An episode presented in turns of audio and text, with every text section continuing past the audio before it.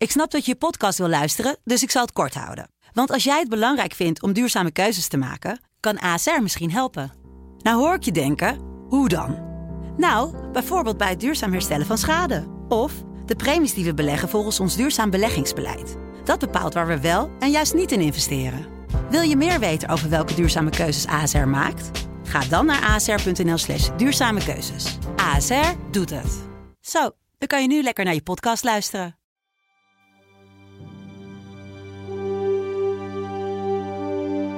Dit is Delta Tango, de internationale veiligheids- en defensiepodcast van de Telegraaf. Welkom. Mijn naam is Olof van Jolen en deze aflevering kan na afgelopen weken maar over één onderwerp gaan. Afghanistan en de razendsnelle machtsovername door de Taliban. Afghanistan's president Ashraf Ghani has gone. He's left the country. De Taliban zeggen dat ze nu het presidentiële paleis in Kabul, in het centrum van Kabul, hebben overgenomen. The Taliban are now in complete control of Afghanistan. Ja, Kabul uh, is zondag gevallen in handen van de Taliban. En zwarter dan dat is, uh, is er een dag in mijn leven niet geweest. Afghanistan is uh, ontzettend onoverzichtelijk en zeer zorgwekkend. we doen er alles aan om ambassadepersoneel, tolken, anderen die onze bescherming verdienen daar weg te krijgen. Maar het is erg ingewikkeld. Duizenden Afghanen proberen sinds vannacht een vlucht te krijgen, maar het zijn er lang niet genoeg. Mensen springen op een vliegtuig. Welke idioot wil dat doen? Dat doe je niet als je geen andere keuze hebt. I stand squarely behind my decision.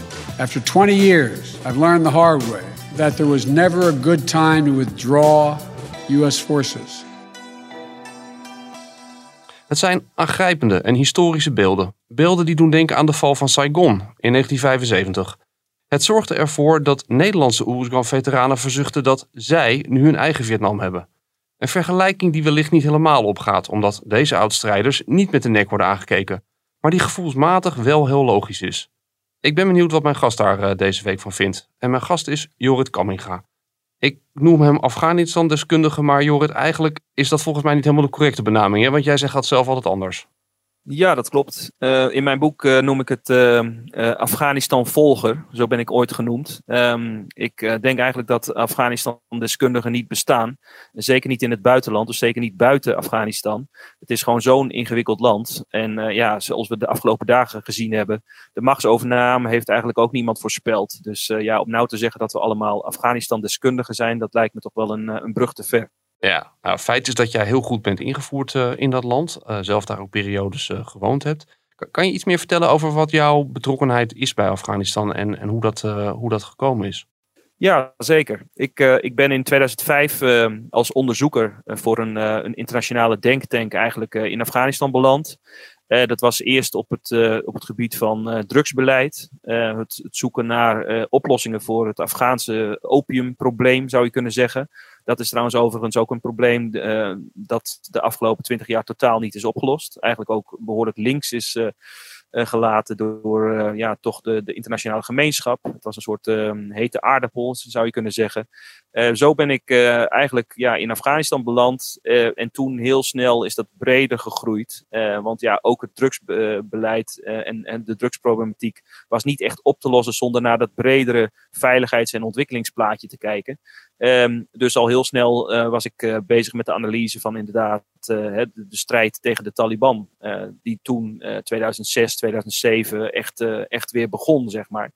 Um, dat is natuurlijk nu al heel lang geleden, zou je kunnen zeggen. Um, maar ja, dat, op dat moment waren we dus die analyses aan het maken. maar ook, ja, zoals ik zei, hadden we natuurlijk nooit kunnen voorspellen, denk ik, dat, dat het allemaal zo snel weer ja, terug bij af zou zijn. Ja, laten we het daar zo nog even over hebben. Je hebt al die, die ervaringen en de kennis die je hebt opgedaan in die jaren samengevat in een boek dat, ja, dat uitgerekend volgende maand uh, verschijnt. Bedankt Bin Laden heet het. Ja, zijn we daarmee ook eigenlijk een beetje niet meteen bij de reden uh, waarom Afghanistan eigenlijk in, in de eerste instantie ooit werd binnengevallen? Ja, eigenlijk wel. Hè. De, trouwens, de, titel van mijn boek is wel iets ironischer. Uh, je wordt bedankt, uh, Bin Laden. En ik hoop dat de ironie uh, duidelijk is. Um, het is zeker niet mijn bedoeling om al het leed van de afgelopen twintig jaar te bagatelliseren. Um, ja, de reconstructie die ik gedaan heb, begint eigenlijk al voor 9-11, zou je kunnen zeggen, in 2001. Um, hè, want er zit een heel voortraject in met de, de de machtsovername van de Communistische Partij al in 1978. Uh, de inval van de, de Russen daarna, omdat de Communistische Partij behoorlijk verdeeld is. En, en uiteindelijk inderdaad de opkomst uh, van de Mujahideen, gesteund onder andere door Bin Laden. En, en zo komen we langzamerhand, en dat schets ik eigenlijk ook in een van de eerste hoofdstukken van het boek, komen we langzamerhand inderdaad bij het voortraject van, um, van 9-11. En 9-11 is echt toch wel uh, het uh, keerpunt, zou je kunnen zeggen, voor, voor Afghanistan. Uh, zowel in negatieve zin, maar ook in positieve zin, zou je kunnen zeggen. Want ja, daardoor komt Afghanistan totaal weer op de, de wereldkaart te staan. Ehm, met het, het einde van de Russische invasie in, in Afghanistan in 1989 zou je kunnen zeggen, houdt het ook voor het, in, voor het Westen op om een interessant land te zijn. Uh, het is allemaal niet interessant genoeg meer voor ons. De spanning van de Koude Oorlog is, uh, is langzamerhand uh, weg. Um, en ja, eigenlijk vinden wij dan totaal geen belangen meer in, in, in Afghanistan. Die internationale gemeenschap die maakte zich niet zo vreselijk druk om dat Taliban-regime. Nee, zeker niet. Hè. De Taliban die, die komt pas ietsje later weer op. Um, hè, dat is eigenlijk het, het, soort van het gevolg van de burgeroorlog die ontstaat, ontstaat uit het machtsvacuum. Uh, na 1989, um, zeker de beginjaren van de 90 van de vorige eeuw, um, zijn er allerlei facties die in dat machtsvacuum proberen de macht te grijpen. Uiteindelijk leidt dat tot, tot ongeveer vier jaar burgeroorlog. En daaruit ontstaat eigenlijk, zou je kunnen zeggen, ook wel weer de Taliban. Want die komen op vanuit het zuiden en, en winnen vooral um, zielen, zou je kunnen zeggen, omdat zij met de boodschap komen van hey, wij maken een einde aan die burgeroorlog. Wij maken een einde aan de onrust en het geweld in Afghanistan. Dus daarom, um, ja, eh, dat is toch wel een van de belangrijkste redenen waarom zij uh, binnen de kortste keren eigenlijk toch wel um, ongeveer 90% van het land in handen krijgen. Ja, uh, nu wordt het deze dagen wel gezegd van uh, die Amerikanen zijn dat land binnengetrokken uh, in de poging om uh, in Bin Laden aan te houden. en passant ook nog dat, dat Taliban-regime weg, weg, te werken. Um, maar, maar eigenlijk is er nooit goed nagedacht over hoe het dan verder moest met Afghanistan. Is dat een stelling die, die jij onderschrijft of zie je het anders? Nou, dat, dat klopt zeker. Um, het, het, is, het is um, ook om het, om het verhaal zeg maar helemaal af te maken hè, met 9-11. Uh, ja, het is natuurlijk een unieke aanslag geweest in, uh, in de Verenigde Staten. Daar moest een unieke respons komen, die moest heel snel komen. De Amerikanen zochten een, een zondebok, zou je kunnen zeggen. Nou, Osama Bin Laden zat toen in Afghanistan. De, de, de aanslagen zijn eigenlijk niet of nauwelijks gepland vanuit Afghanistan. Um, er was wel een, een trainingskamp in uh, Mesh Ainak, uh, net buiten Kabul. Maar verder zijn ja, die aanslagen eigenlijk in Hamburg, in Karachi, in Pakistan, uh, in Maleisië, et cetera, gepland. Um, maar er was eigenlijk totaal geen politieke tijd in de Verenigde Staten om, ja, om zeg maar, te gaan onderhandelen, bijvoorbeeld met het Taliban-regime op dat moment, over de uitlevering van Osama bin Laden. Er moest gewoon een krachtige respons komen. En daardoor werd echt binnen no time in Amerika alles in stelling gebracht om in ieder geval dan maar militair een land te gaan veroveren. Een land wat dus eigenlijk totaal niets te maken had met Al-Qaeda. En een regime dat niets te maken had met Al-Qaeda. Behalve dan dat uh, Al-Qaeda in ieder geval uh, binnen de landsgrenzen zou je kunnen zeggen verbleef. Uh, en binnen zeven dagen werd eigenlijk in het Amerikaanse congres al een, um, een, een, een, wetgeving aangenomen, waardoor dus een militaire inval ook mogelijk was. Uh, en dus niet alleen tegen de, de, de, uh, degene die achter de aanslag zaten, maar dus ook voor degene die zeg maar de, de terroristen aan het, aan het herbergen waren. Uh, en daardoor werd uh, de Taliban eigenlijk guilty by association, zou je kunnen zeggen. Dus er is domweg, um, er is domweg en, niet echt de tijd geweest om, om te gaan bedenken van oké, okay, uh, als we daar binnen staan, wat dan? Nee, klopt. En hè, het ging dus vooral om, om die militaire operatie. Hè, het krachtig laten zien van uh, ja, wij reageren op uh, de aanslag die uh, 3000 Amerikaanse levens heeft gekost. met ruim het dubbele aantal gewonden overigens ook nog. Um, en ja, het, Afghanistan was een heel makkelijk doelwit. het regime van de Taliban werd maar door drie landen in de wereld erkend. Um, Pakistan, Saudi-Arabië en de Verenigde Arabische Emiraten. Uh, dus ja, makkelijker kon het eigenlijk bijna niet. En vervolgens vertaalt dat zich later, en dat is echt ook al binnen enkele maanden, en dat is ook om terug te komen op je vraag, eh, vertaalt dat zich in een enorm internationaal staatsopbouwproject, zou je kunnen zeggen. En daar wordt eigenlijk al dus binnen een enkele weken wordt daaraan gewerkt. Uh, wordt er een enorm uh, ambitieus en dus ook, uh, kun je achteraf concluderen, volledig onrealistisch staatsopbouwproject ge, geïntroduceerd. Waarbij we dus ook met z'n allen aan, de, aan de, de rechtsstaat gaan werken en, en aan ontwikkeling en aan het onderwijs en aan de gezondheidszorg en dergelijke. Allemaal hele nobele doelen zou je kunnen zeggen. Um, maar dat komt allemaal, zou je kunnen zeggen, dat is ook mijn analyse, als een soort van gevolg van een overreactie, een volledige overreactie op een terroristische aanslag. Ja, is er nooit. Uh, ik, ik heb zelf afgelopen maanden, uh, uh, zoals je weet, ook met, met veel mensen gesproken vanuit de militaire hoek. En, en eigenlijk de vraag die ik nog het interessantst vond, die ik besprak met een Nederlandse officier, zei ik van. Is er wel eens nagedacht over een nuloptie? Dus in de zin van waarom is er destijds niet gekozen voor wel Bin Laden halen uh, en vervolgens zeggen, uh, jongens, uh, um, succes ermee, jullie komen zelf er wel uit hier met het land. Nou, dat, dat was waarschijnlijk een, een, een betere optie geweest, zou je nu kunnen zeggen. Maar de, de beginoptie die we, waar we uiteindelijk voor gekozen hebben, was nog helemaal niet zo slecht. Dus een, een nieuw regime, dat was een overgangsregime creëren in Afghanistan. onder leiding van Hamid Karzai. Um, en vervolgens, dat waren ook de eerste missies waar Nederland aan mee ging doen, hè, vanaf 2002. Uh, vervolgens um, uh, de stabiliteit rondom en de veiligheid rondom dat overgangsregime zeg maar, bewaken. Dus in het begin waren onze internationale missies helemaal niet zo onrealistisch. Hè. We zouden gewoon, we waren aan het patrouilleren in Kabul. En we, droegen echt wel wat bij, in ieder geval op de korte termijn, um, tot die, die basisveiligheid en die basisstabiliteit. Maar juist als je uh, meteen van allerlei andere doelstellingen bij gaat betrekken, dan weet je ten eerste, weet je dan meteen al dat je dus voor 30, 40 jaar in Afghanistan moet zitten. Niet, niet per se met militairen, maar wel dus met een enorm ontwikkelingsproject. Om dat allemaal dus inderdaad uh, duurzaam op te bouwen. Hè? Want ja, je spreekt over het opbouwen van bijvoorbeeld de politie van eigenlijk nul, het leger van eigenlijk nul. Um, en terwijl we weten dat in westerse landen dat ook gewoon de hartstikke veel uh, decennia duurt. Um, dus je weet eigenlijk meteen al dat dat dus een lang traject zal worden. En het heeft dus eigenlijk, en dat is het tweede punt, het heeft eigenlijk ook niks meer te maken met de reden waarvoor je eigenlijk uh, bent binnengevallen. Want dat ging inderdaad om terrorisme en de, de strijd tegen terrorisme. En als je nu terugkijkt, de, uh, eigenlijk was het VVD-standpunt uh, ook de afgelopen jaren in het debat nog van we, we zaten in Afghanistan uh, voor twee redenen. We zouden de, de Al-Qaeda eruit krijgen en we zouden de Taliban eronder krijgen. En als je dus nu twintig jaar terugkijkt, hè, en hoef je niet eens heel flauw te doen door het juist over de, de, de machtsovername te hebben. Maar ook daarvoor was de Taliban gewoon sterker dan ooit. En Al-Qaeda zit nog steeds met ongeveer 300 strijders op dit moment in Afghanistan. Dus ook die, die beperkte doelstellingen zijn eigenlijk ook totaal niet goed uit de verf gekomen. En nou, nou ben jij zelf, heb je langere periodes in Afghanistan ook gewoond en gewerkt. Wanneer werd jou zelf duidelijk dat je dacht van dit project gaat gewoon niet slagen? Ik was in het begin wel vrij positief. Uh, ik heb ook wel vrij positieve opiniestukken in het verleden geschreven over democratie. Uh, de democratie gaat overwinnen bijvoorbeeld. Uh, over inderdaad de, de, de positieve effecten van de enorme toegang tot onderwijs, tot gezondheidszorg. En daar is ook zeker, dat, is, dat is ook zeker wel iets waar wij als Nederland ook een bijdrage aan geleverd hebben.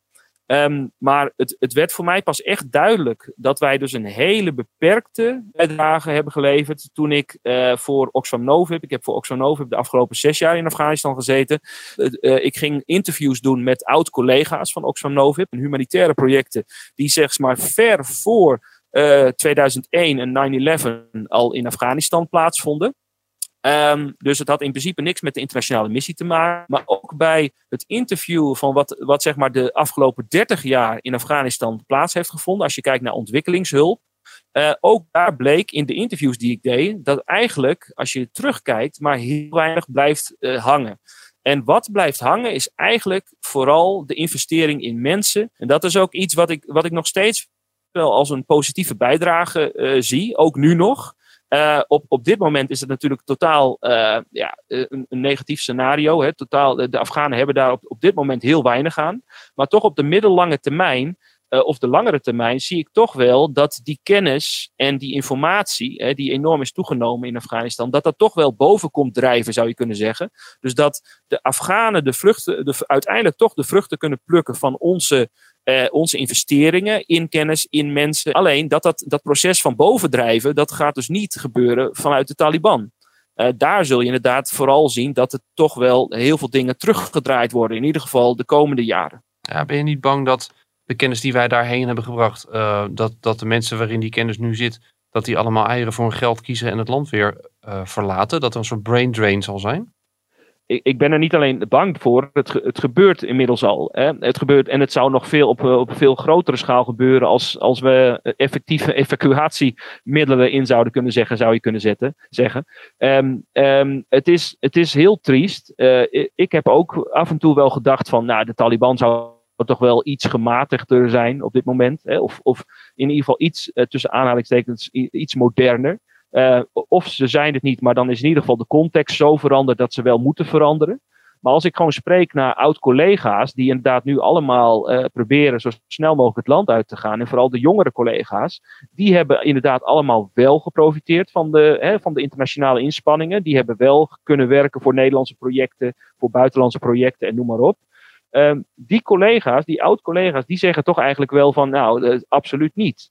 Uh, en daar is ook wel de, de, de angst uh, te, vanuit te, te, verklaren, denk ik. Hè. Kijk, als de Taliban een, een modernere variant zou zijn nu, dan zouden ook die, die collega's die bijvoorbeeld op vrouwenrechtenprojecten gewerkt hebben, dan zouden ze niet zo bang zijn. Dan zouden ze gewoon zeggen: Nou, we kijken wel even, hè, we hebben al heel veel meegemaakt in Afghanistan.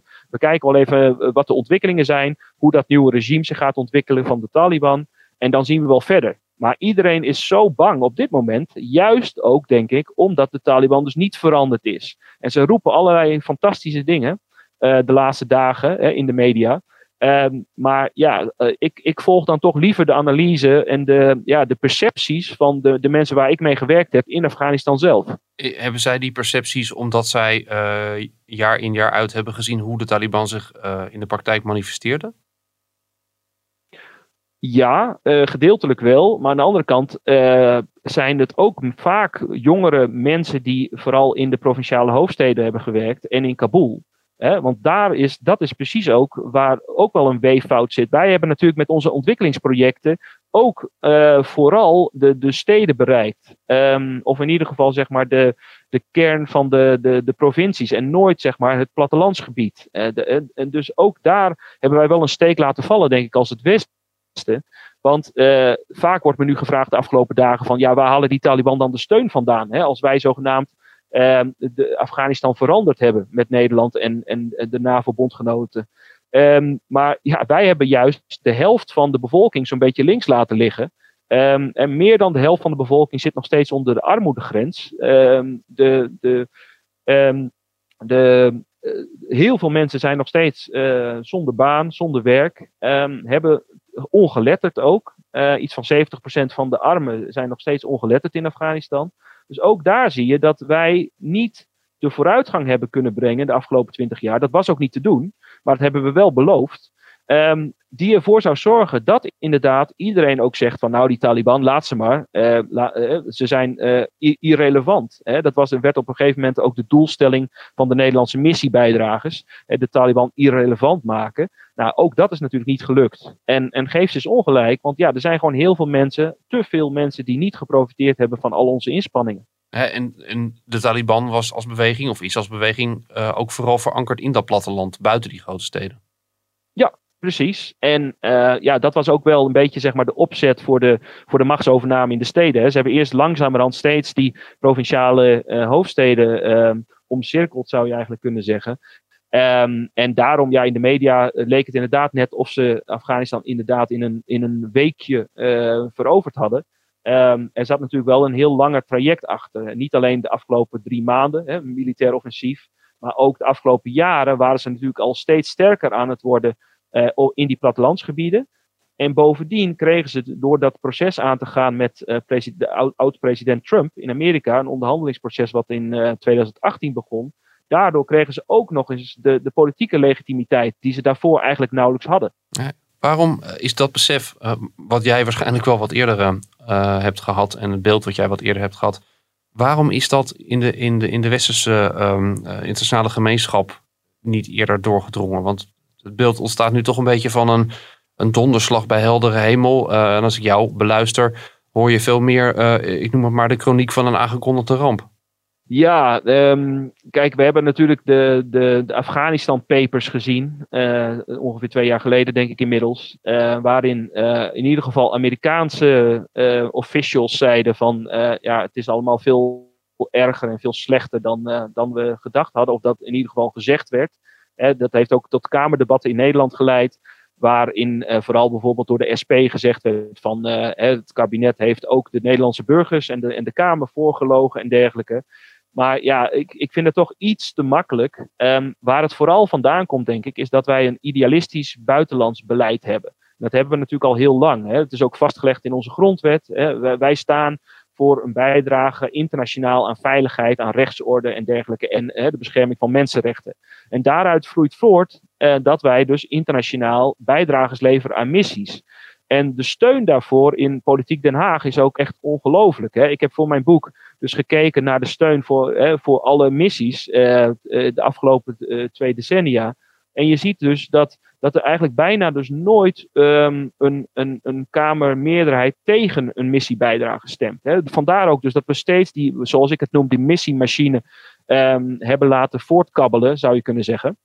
Um, eh, zelfs dus als de mandaten van die missies heel onduidelijk waren, of, of als er zelfs uh, uh, interne um, verdeeldheid was binnen partijen, binnen de, de regeringscoalitie en dergelijke, steeds kwam er weer een Kamermeerderheid voor zo'n voor zo'n missie bijdragen. Hè. Dus, dus eigenlijk eh, denk ik dat dat het wel toch wel verklaart. Hè. We, willen een, een, een grote rol spelen, zo groot mogelijk internationaal gezien. We hebben daar natuurlijk beperkte middelen voor, zeker als het gaat om defensie, gezien alle bezuinigingen van de afgelopen jaren. Uh, maar wij, willen dat gewoon. En er is dus ongeveer uh, eh, 100, er zijn in de, in de Tweede Kamer zijn ongeveer 100 zetels, dus zeg maar twee derde van de Kamer, die gewoon bijna altijd voorstemmen. Dus het is ook voor de kritische oppositie nauwelijks uh, de mogelijkheid om te zeggen van nou nee, wij gaan aan de noodrem trekken, het is nu genoeg geweest.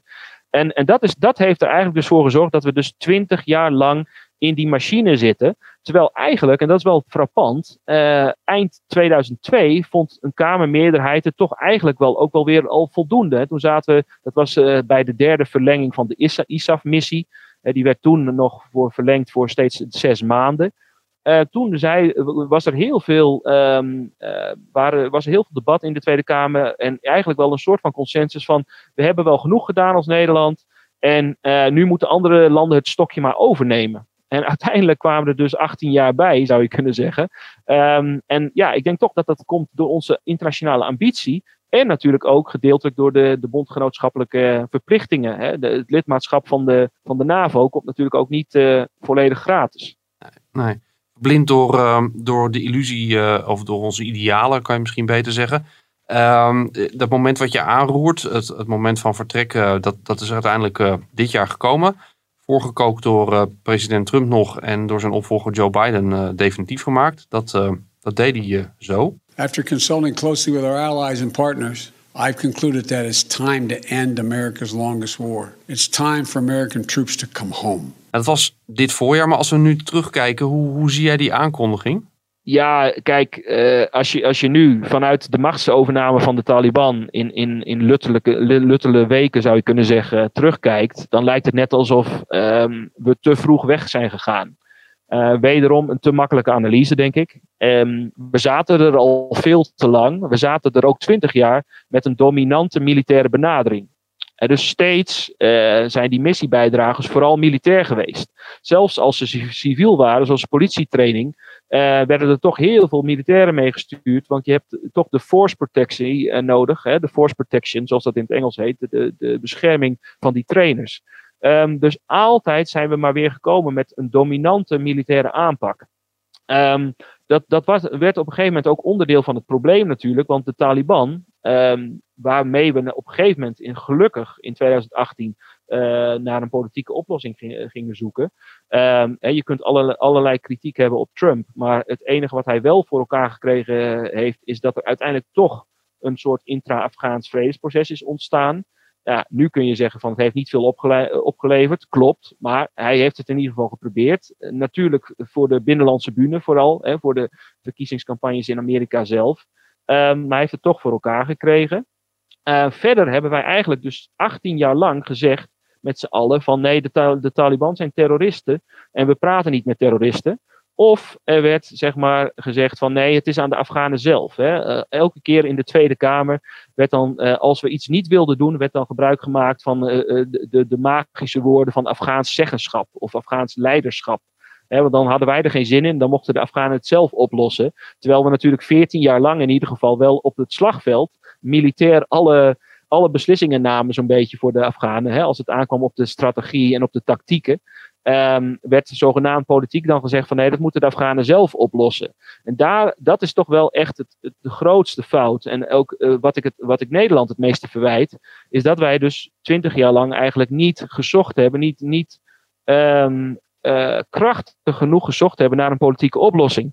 En we zijn dus doorgegaan met die militaire missies. Die moesten dan een duurzame bijdrage leveren aan stabiliteit, aan veiligheid.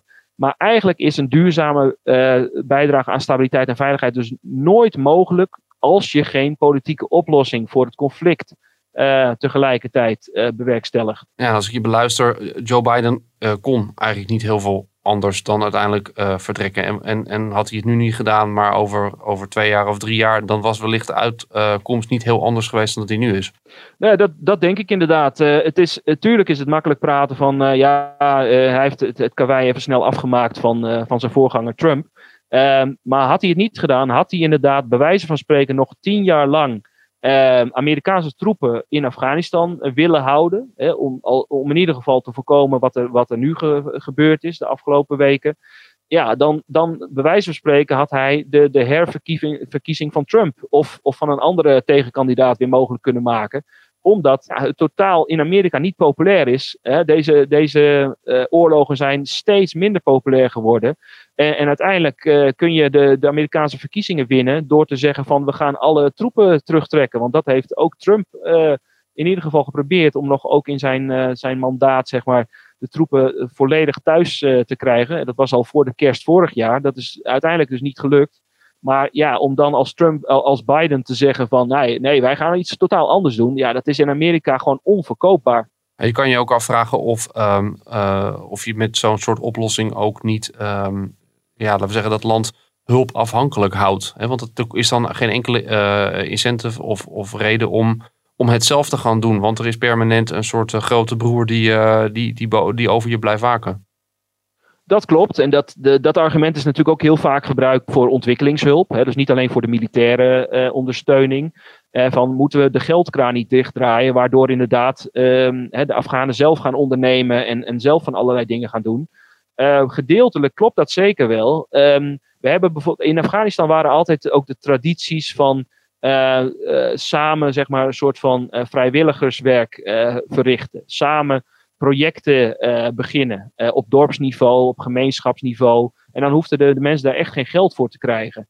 En die hele traditie is ook volledig om zeep geholpen de afgelopen twintig jaar. Omdat wij gewoon met dollars kwamen strooien. En dat doen we nog steeds. Hè, want ook tot 2024 was in ieder geval het idee dat ook Nederland gewoon iets van 50 miljoen uh, euro per jaar zou, zou bijdragen. Hè, dus wij hebben ook heel veel kapot gemaakt in Afghanistan, denk ik. Um, en natuurlijk ook de corruptie enorm in de hand gewerkt met, met al onze stromen dollars die gewoon uh, oneindig gebleken te zijn de afgelopen twintig jaar. Uh, moet je die kraan dan dichtdraaien? Dat is, ja, dat is, dat is een optie die voor Afrika vaak voorgesteld is ook, voor Afrikaanse landen.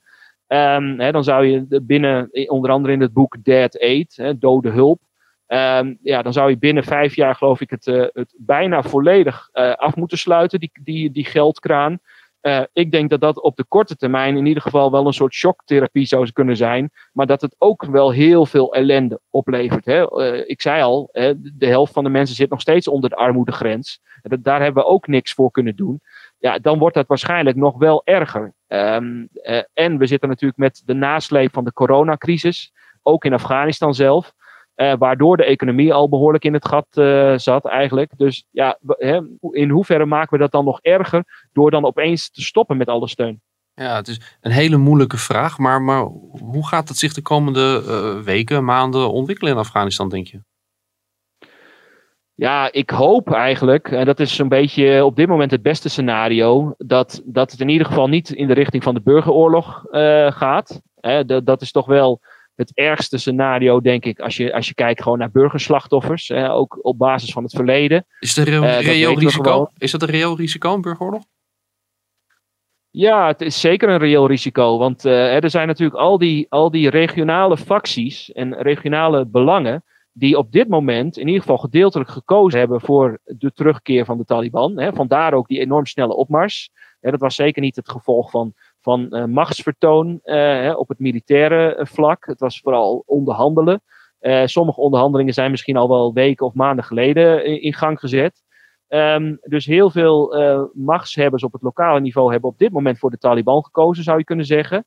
Uh, waarom is natuurlijk nog de vraag. Hè? Een, reconstructie daarvan moet echt nog wel later plaatsvinden.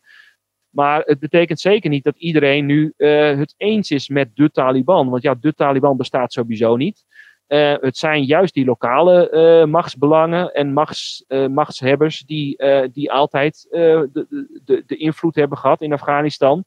Dus betekent dat dat ook de, de Taliban niet volledig de touwtjes in handen kan krijgen als dat gebeurt, dan kunnen inderdaad gevechten ontstaan weer. Um, hè, op basis ook van, van de afgelopen twintig jaar. Ja, dus het, het, hangt enorm. Het kan eigenlijk, het is flauw om te zeggen, maar het, het, kan alle kanten bijna op. Het is een hele instabiele situatie nu waarbij je echt moet afwachten wat, um, wie wat doet om, om, om te zien wat er, hoe het verder gaat.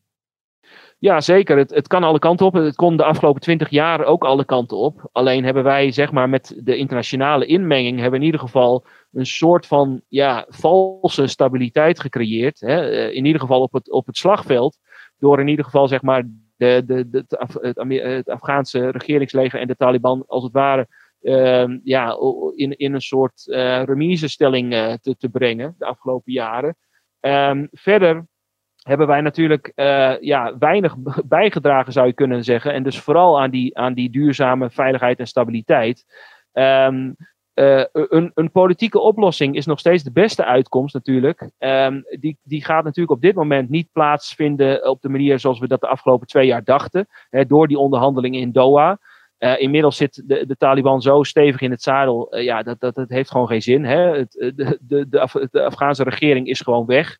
Uh, natuurlijk bevestigd ook door de, door de vlucht van uh, Ashraf Ghani, hè, de president. Um, dus dat gaat in ieder geval niet gebeuren. Maar dat er hopelijk heel veel onderhandeld wordt en heel veel gepraat wordt de komende tijd. Voor toch een soort van, ja, misschien tijdelijke regering, misschien een, uh, een, een, een, een, iets, iets wat democratische regering, ook al is het totaal niet democratisch in onze ogen. Hè, als er maar een soort van Afghaanse oplossing komt waar Afghanen, of in ieder geval heel veel Afghanen, toch uh, in ieder geval een soort van stabiliteit in kunnen vinden. Dan kun je zeggen van ja, dat is totaal niet de stabiliteit die wij willen zien of de democratie die wij willen zien. Maar ja, wat heeft onze inmenging 20 jaar uh, wel opgebracht voor de Afghanen? Natuurlijk ook heel weinig. Ja, het is een hele ontnuchterende analyse, maar ik denk inderdaad een hele realistische. Uh, ik hoorde een, een oud commando die meerdere keren in uh, Afghanistan geweest is zeggen van uh, ja, die, ook voor de veiligheid in de regio is, is wat er nu gebeurt slecht nieuws. Want de Taliban hebben een enorm arsenaal aan nieuwe wapens uh, uh, buitgemaakt. hij, hij voorzag dus grotere instabiliteit en risico's. Wat, wat denk jij daarvan? Ja, kijk, de, de Taliban uh, nemen gewoon alles over van, hè, van wat wij uh, gebracht hebben. Dus inderdaad ook militaire middelen. En, maar ja, ook dingen zoals, en dat is allemaal heel gek uh, de afgelopen dagen, dat er opeens enorm veel onrust bestaat. Dat ook bijvoorbeeld de officiële Twitter-accounts van de Afghaanse regering. gewoon overgenomen worden. Hè? De radiostations, alles wordt overgenomen. Hè? Dus dat is op zich niet raar. Um, helaas is het diep triest. Maar ja, dat, dat is gewoon de werkelijkheid op dit moment. Um, ik denk niet dat het meteen leidt tot een, een, een, een buitenlandpolitiek van de Taliban die enorm agressief zou zijn. Zij hebben dus jarenlang eigenlijk en altijd die nationale agenda gehad. Uh, en daarom is het ook zo, zo uh, vreed eigenlijk dat wij ze altijd op één uh, stapel hebben gegooid met Al-Qaeda, die duidelijk de, de, internationale jihadistische agenda omarmde. Um, ja, de Taliban waren en zijn volledig anders. Um, die zullen belang hebben bij internationale erkenning. want het heeft inderdaad totaal geen zin om terug te gaan tot het regime in, in, de jaren negentig, wat inderdaad door drie landen ter wereld erkend werd. Ze zullen afhankelijk blijven van internationale steun, van heel veel humanitaire steun ook. Dus in die zin zullen ze zeker niet agressief zijn, denk ik, richting het buitenland. Zullen ze eerst vooral gewoon kijken van hoe kunnen we deze situatie consolideren? Hoe kunnen we onze regering vormgeven? Want er is natuurlijk nog niet een Taliban-regering. zo snel gaat het ook weer niet. we weten dat ze aan de macht zijn of aan het komen zijn. Maar ja, verder moeten we gewoon nog afwachten hoe zich dat precies vorm gaat geven. Maar ja, er zijn al gesprekken met China en met, eh, met andere regionale partners. En ik denk dat die regionale partners absoluut niet zitten te wachten op, op verdere inmenging in Afghanistan. Want ja, dat heeft ze tot nu toe dus ook totaal niks opgeleverd. Hè. Bijvoorbeeld een land als Pakistan, daar wordt dan van gezegd van ja, die zaten misschien ook achter de, de snelle militaire opmars van de afgelopen weken. Uh, dat kan. Voor een gedeelte heeft, heeft Pakistan natuurlijk zeker de Taliban uh, ondersteund de afgelopen jaren.